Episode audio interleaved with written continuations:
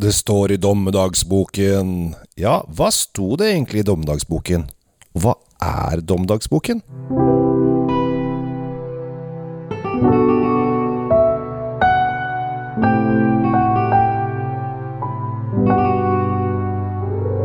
Hjertelig velkommen til en ny episode av Kjells vinkjeller. I dag så skal vi langt tilbake i tid. Langt og lenger og lenger enn langt, som de sier i eventyrene. Men dette er ikke noe eventyr, for vi skal tilbake til 1086. Og da kan man jo liksom begynne å spekulere. Hva driver Kjell på med? Jo, han driver jo på med vin. Vin fra 1086. Eh, hva kan det være? Jo, da må vi langt tilbake i tid, og da tenker alle kanskje fort Å, er vi romerne? Ja, vi er litt romere her, men vi er ikke i Italia. Og vi er ikke i Frankrike, og vi er ikke i Spania, vi er ikke i Tyskland. Vi er i England. I 1086 så ble eh, det skrevet ned eh, en bok som ble kalt Doomsday Book, eller Dommedagsboken. Eh, det var det William Erobreren som fikk skrevet ned, og det var en folke- og boligtelling det høres jo egentlig litt sånn kjedelig ut. Statistisk sentralbyrå, her kommer vi!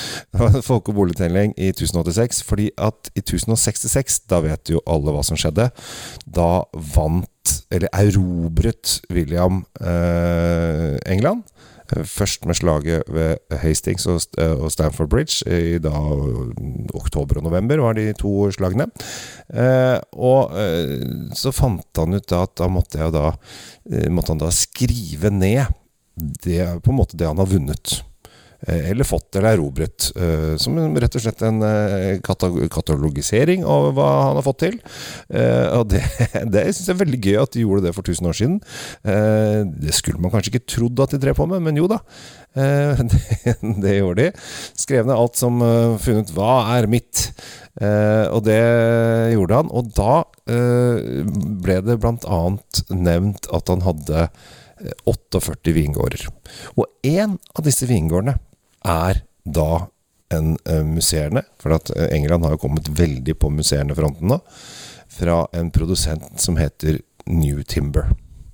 Eh, og det tror vi Ny Timber høres jo veldig sånn norsk ut, egentlig, syns jeg. nytømmer. og det er faktisk det man tror kanskje det, han, at det betyr. Eh, og fordi at det var en dal som het Nitembria, kalte de det. Eh, og da mener jeg at de kanskje bygde noe hus der. Men i denne dalen så har de da funnet ut at eh, de skulle begynne å lage litt eh, bobler. Eh, og det har de gjort på de klassiske bobledruene Pinot Noir. Chardonnay og Pinot Meunier, som er de tre druene, eller hoveddruene de lager eh, vin på i champagne. Det er syv bitte små andre druer, men det er så lite av det at de blir aldri nevnt. Men det er disse tre store. Og i 1988 så begynte de å produsere dette her i England. Det var en av de første. Jeg er litt usikker på Det er ikke helt sikker på om det var Gusborn eller Ny Timber som var først, men de var i hvert fall sånn cirka samtidig.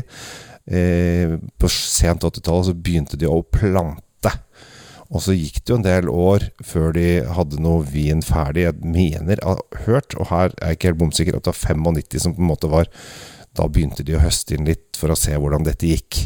Eh, men først på uh, i 2006-2007 var det liksom det begynte å dra seg til. Men jeg syns jo det er veldig, veldig morsomt at uh, her har vi da en produsent som har blitt nevnt i domdags, nevnt domdagsboken av av 1086. De lager faktisk en uh, champagne Jeg kaller det champagne. En musserende heter det jo. Uh, som heter 1086 også. Den har jeg smakt. Den er ikke så lett å få tak i, for den kommer i veldig små opplag. Så hvis du får tak i den, da, da koster den bare så det er sagt, altså, da koster den nesten 2000 kroner flaska. og det er jo selvfølgelig her er det veldig mye pga. at den er unik og heter det og kommer derfra osv. Eh, men har du mulighet til å prøve den, så, så, gjør gjerne det. Selv om det er eh, Altså Kanskje man skal gjøre det til litt sånn spesielle anledninger. Eh, dra, frem, eh, dra frem dette her, så kan man liksom fortelle om eh, Alle husker vel 1066, Battle of Hastings og Stamford Bridge osv. Kan du stå der og briljere litt, da? For det syns jo du sikkert er gøy. Men jeg skal ta frem en, eh, en eh, mer normal greie, eh, og jeg syns at den er veldig, veldig god. Det er da New Timber Rosén, som jeg syns er knakende fin. For jeg tar et ekstra slag for rosémuseene, for jeg syns det er Altså, da får man da Istedenfor at man har disse lime, grønt eple, sitrustingene, så kommer man litt mer inn i jordbær, rips. Eh, man har fortsatt en fin sånn sitrusfyldig. Kanskje noe bringebær er det denne her. Eh, og en syrlig, frisk ettersmak. Eh, og denne fruktigheten Altså, du får en litt mer lyserød frukt, som jeg syns er utrolig sjarmerende på den der, så koster den eh, Det er jo litt av problemet. Det koster jo like mye som en champagne. Den koster 500 kroner, eller 499,90 for å være helt presis. Eh, og det må man bare regne med at det gjør. Men jeg, jeg møter mye folk når jeg er ute og holder vinkurs osv. Og, så og når jeg kommer da med engelske bobler, så sier de 'oi, dette var godt'. og Norge er det største eksportmarkedet for engelsk vin. Så da er det jo ekstra gøy å se populariteten komme Så Jeg var nylig, nylig og nylig, det var før snøen kom, så uh, i fjor, da, uh, invitert på den britiske ambassaden på en vinmesse der. Da hadde de rett og slett lagd en vinmesse inne på ambassaden. Uh, noe som jeg tenkte Ble invitert av ambassaden, så jeg syntes det var veldig gøy. Så tenkte kanskje det er noe foredrag, masterclasser, et eller annet sånn. Kanskje de serverer middag? Oi, da blir Shepherd's Pie eller et eller annet sånt. Men jeg kom inn, så var det egentlig bare en straight forward vinmesse med selvfølgelig veldig mye bobler, i veldig fine lokaler. Eh, og det var hyggelig nok, det, men de, jeg hadde jo smakt veldig mange av de vinene på pressesmaking av så egentlig så var det Jeg syns det var hyggeligst å få lov å, å, være hos ambassaden. Måtte ha med, seg, ha med pass og greier for å, for å komme inn døra. Eh, så, så det, var veldig, det, var en veldig fin opplevelse. Mm, og så fikk jeg smake noen nye, nye produsenter, da. Så det var bra. Men det jeg syns er litt gøy også med eh, New Timber, er at de har en kvinnelig vinmaker. Hun heter Sherry. Sherry Spriggs. Og jeg syns det er gøy at hun heter Sherry også. Eh, hun skriver det ikke akkurat som kirsebær, eh, men veldig ofte er jo sherry et ord vi bruker hvis vi skal skrive på engelsk og beskrive vin. Eh, så det syns jeg er, eh, er, veldig gøy. Så det er gøy å se at de har eh, har rett og slett satsa på kvinnelig vinmaker med en vingård fra røtter tilbake til dommedagsboken av 1086. Og så er det den William eh, Erobreren, han som overtok. Han har jo da ofte eh, blitt eh, sagt at han hadde litt sånn skandinaviske aner osv. Han var jo nordmannerkonge. Men eh, vi vil vel kanskje si at han var mer fransk. Dessverre. Eh, men han banka eh, Harald 2. av England, så han eh, var og banka noen nordmenn, da. Med mer norske aner. Så uansett. Men dagens anbefaling er da dommedagsboksvin fra 1086 i rosé-variant.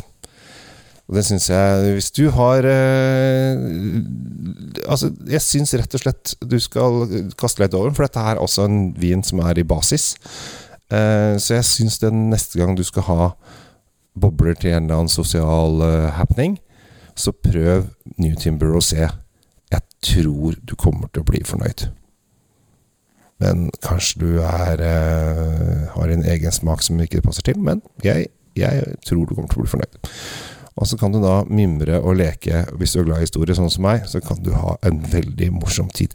Det, rundt denne vinen, og det er det som er så gøy, for plutselig så sitter man der og kan begynne å diskutere andre ting, og jeg syns det er veldig, veldig morsomt å uh, ha den gode samtalen rundt vinen. Og da glemmer man av og til litt vinen også.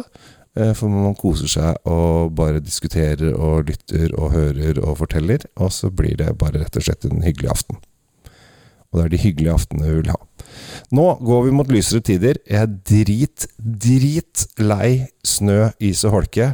Vi går mot lysere tider, folkens, eh, og det gleder meg.